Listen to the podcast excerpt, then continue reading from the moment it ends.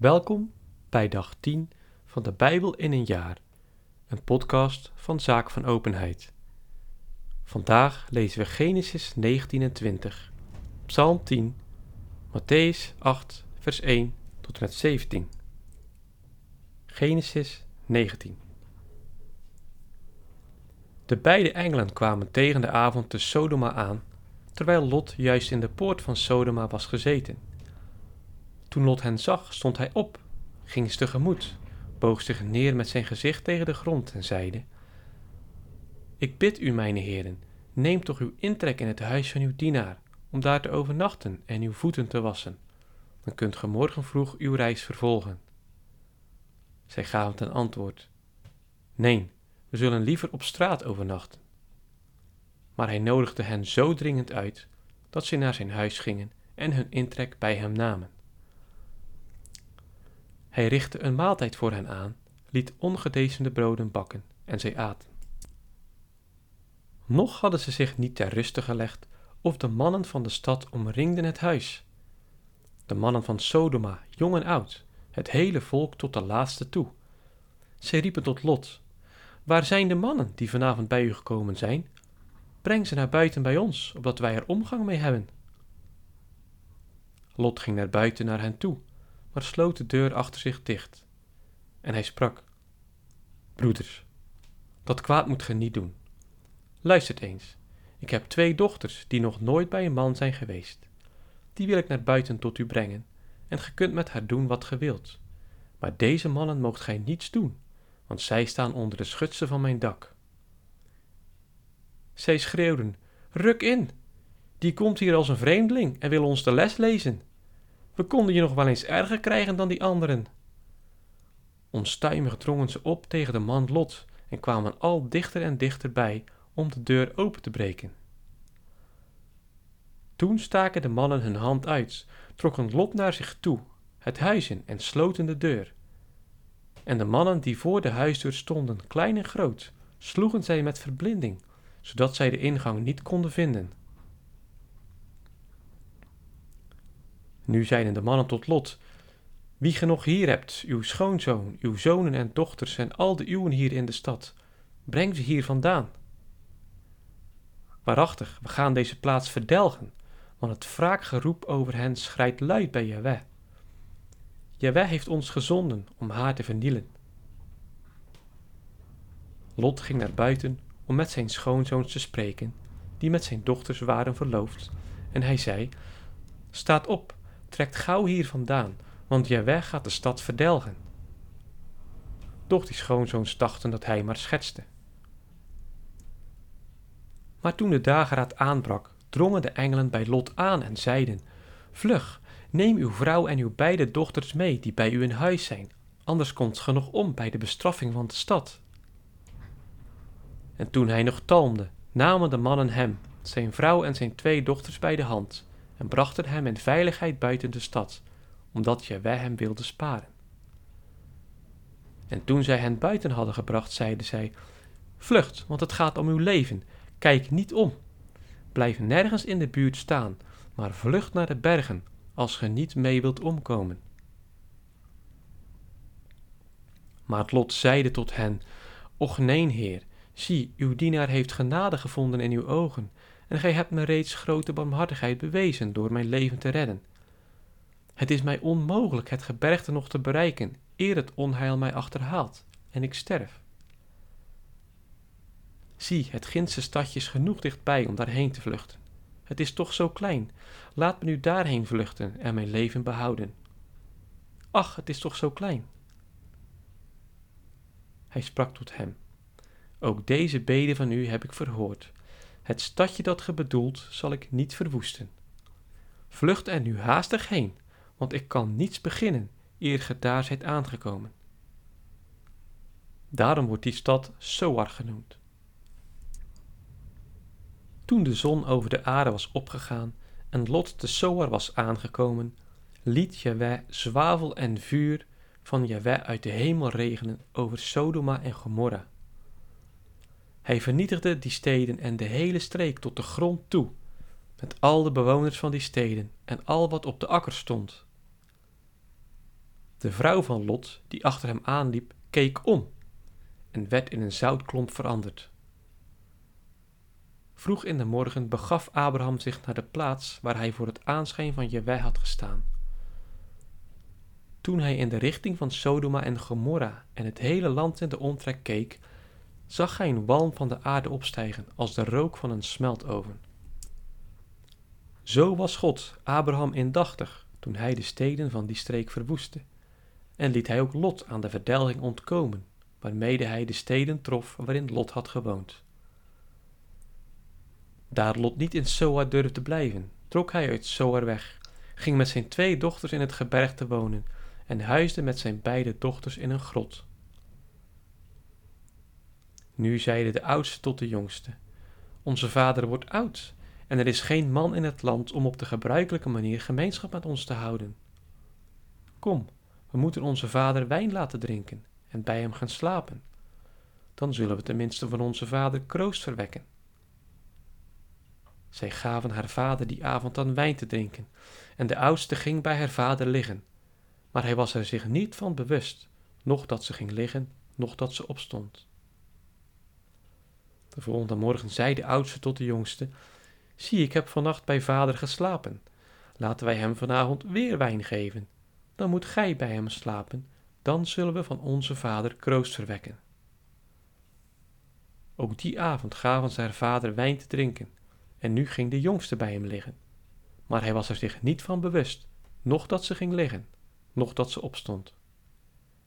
Zo werden de beide dochters van Lot zwanger van haar vader. Oudste baarde een zoon en noemde hem Moab. Hij werd de vader der tegenwoordige Moabieten. Ook de jongste baarde een zoon en noemde hem Ben-Omi. Hij is de vader der tegenwoordige Ammonieten. Genesis 20 Abraham trok vandaar de Negeb in en vestigde zich tussen Kadesh en Shur. Zolang Abraham in Gerar verbleef, vertelde hij van zijn vrouw Sarah dat ze zijn zuster was. Zo liet Abimelech, de koning van Gerar, Sarah schaken. Maar God verscheen Abimelech des nachts in een droom en sprak tot hem: Zie, gij zult sterven, omdat ge die vrouw hebt geschaakt, want ze is al gehuwd. Abimelech, die haar nog niet was genaderd, sprak: Heer, Zoudt gij dan een rechtschapen man willen doden? Heeft hij mij niet gezegd, het is mijn zuster? En heeft hij ook zelf niet gezegd, heeft zij ook zelf niet gezegd, het is mijn broer? Met onschuldig hart en reine handen heb ik dit gedaan. En God sprak tot hem in de droom: Omdat ik wist dat gij dit met onschuldig hart hebt gedaan, heb ik er u voor bewaard tegen mij te zondigen, en u daarom belet haar aan te raken. Geef nu de vrouw van die man terug, want hij is een profeet. Hij zal voor u bidden, en ge zult blijven leven. Maar als ge haar niet terugzendt, weet dan dat ge zeker zult sterven, gij en al de uwen. De volgende morgen riep Abimelech al zijn dienaren bijeen en deelde hun de hele toedracht mee.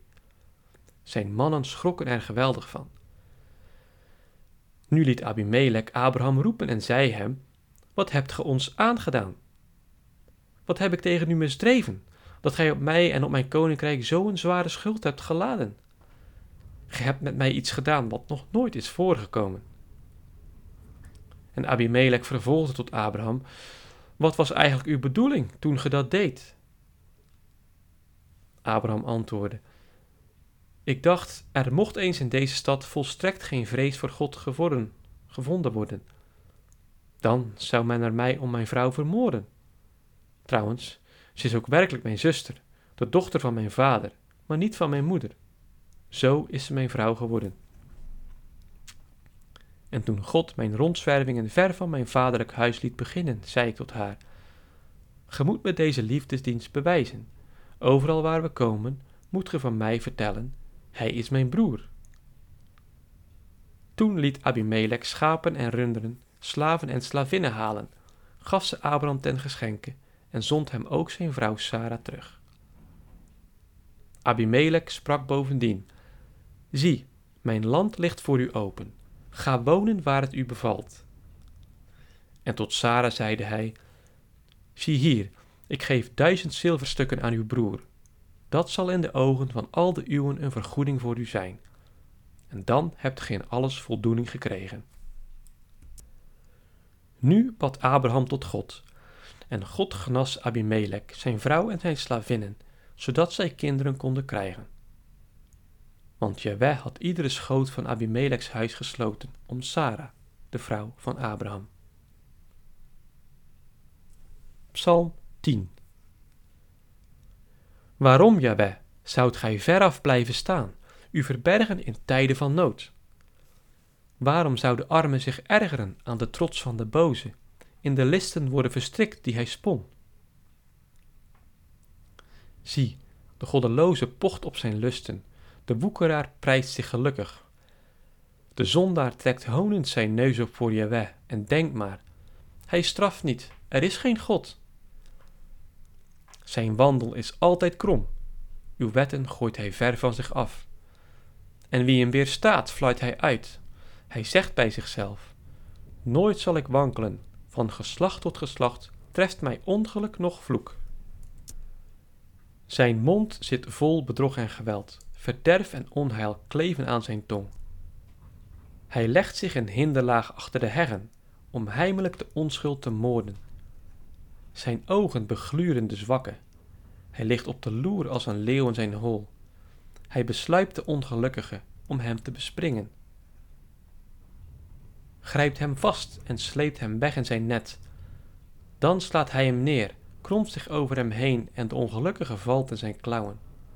En hij zegt bij zichzelf: God vergeet het. Hij verbergt zijn gelaat, hij ziet het niet eens.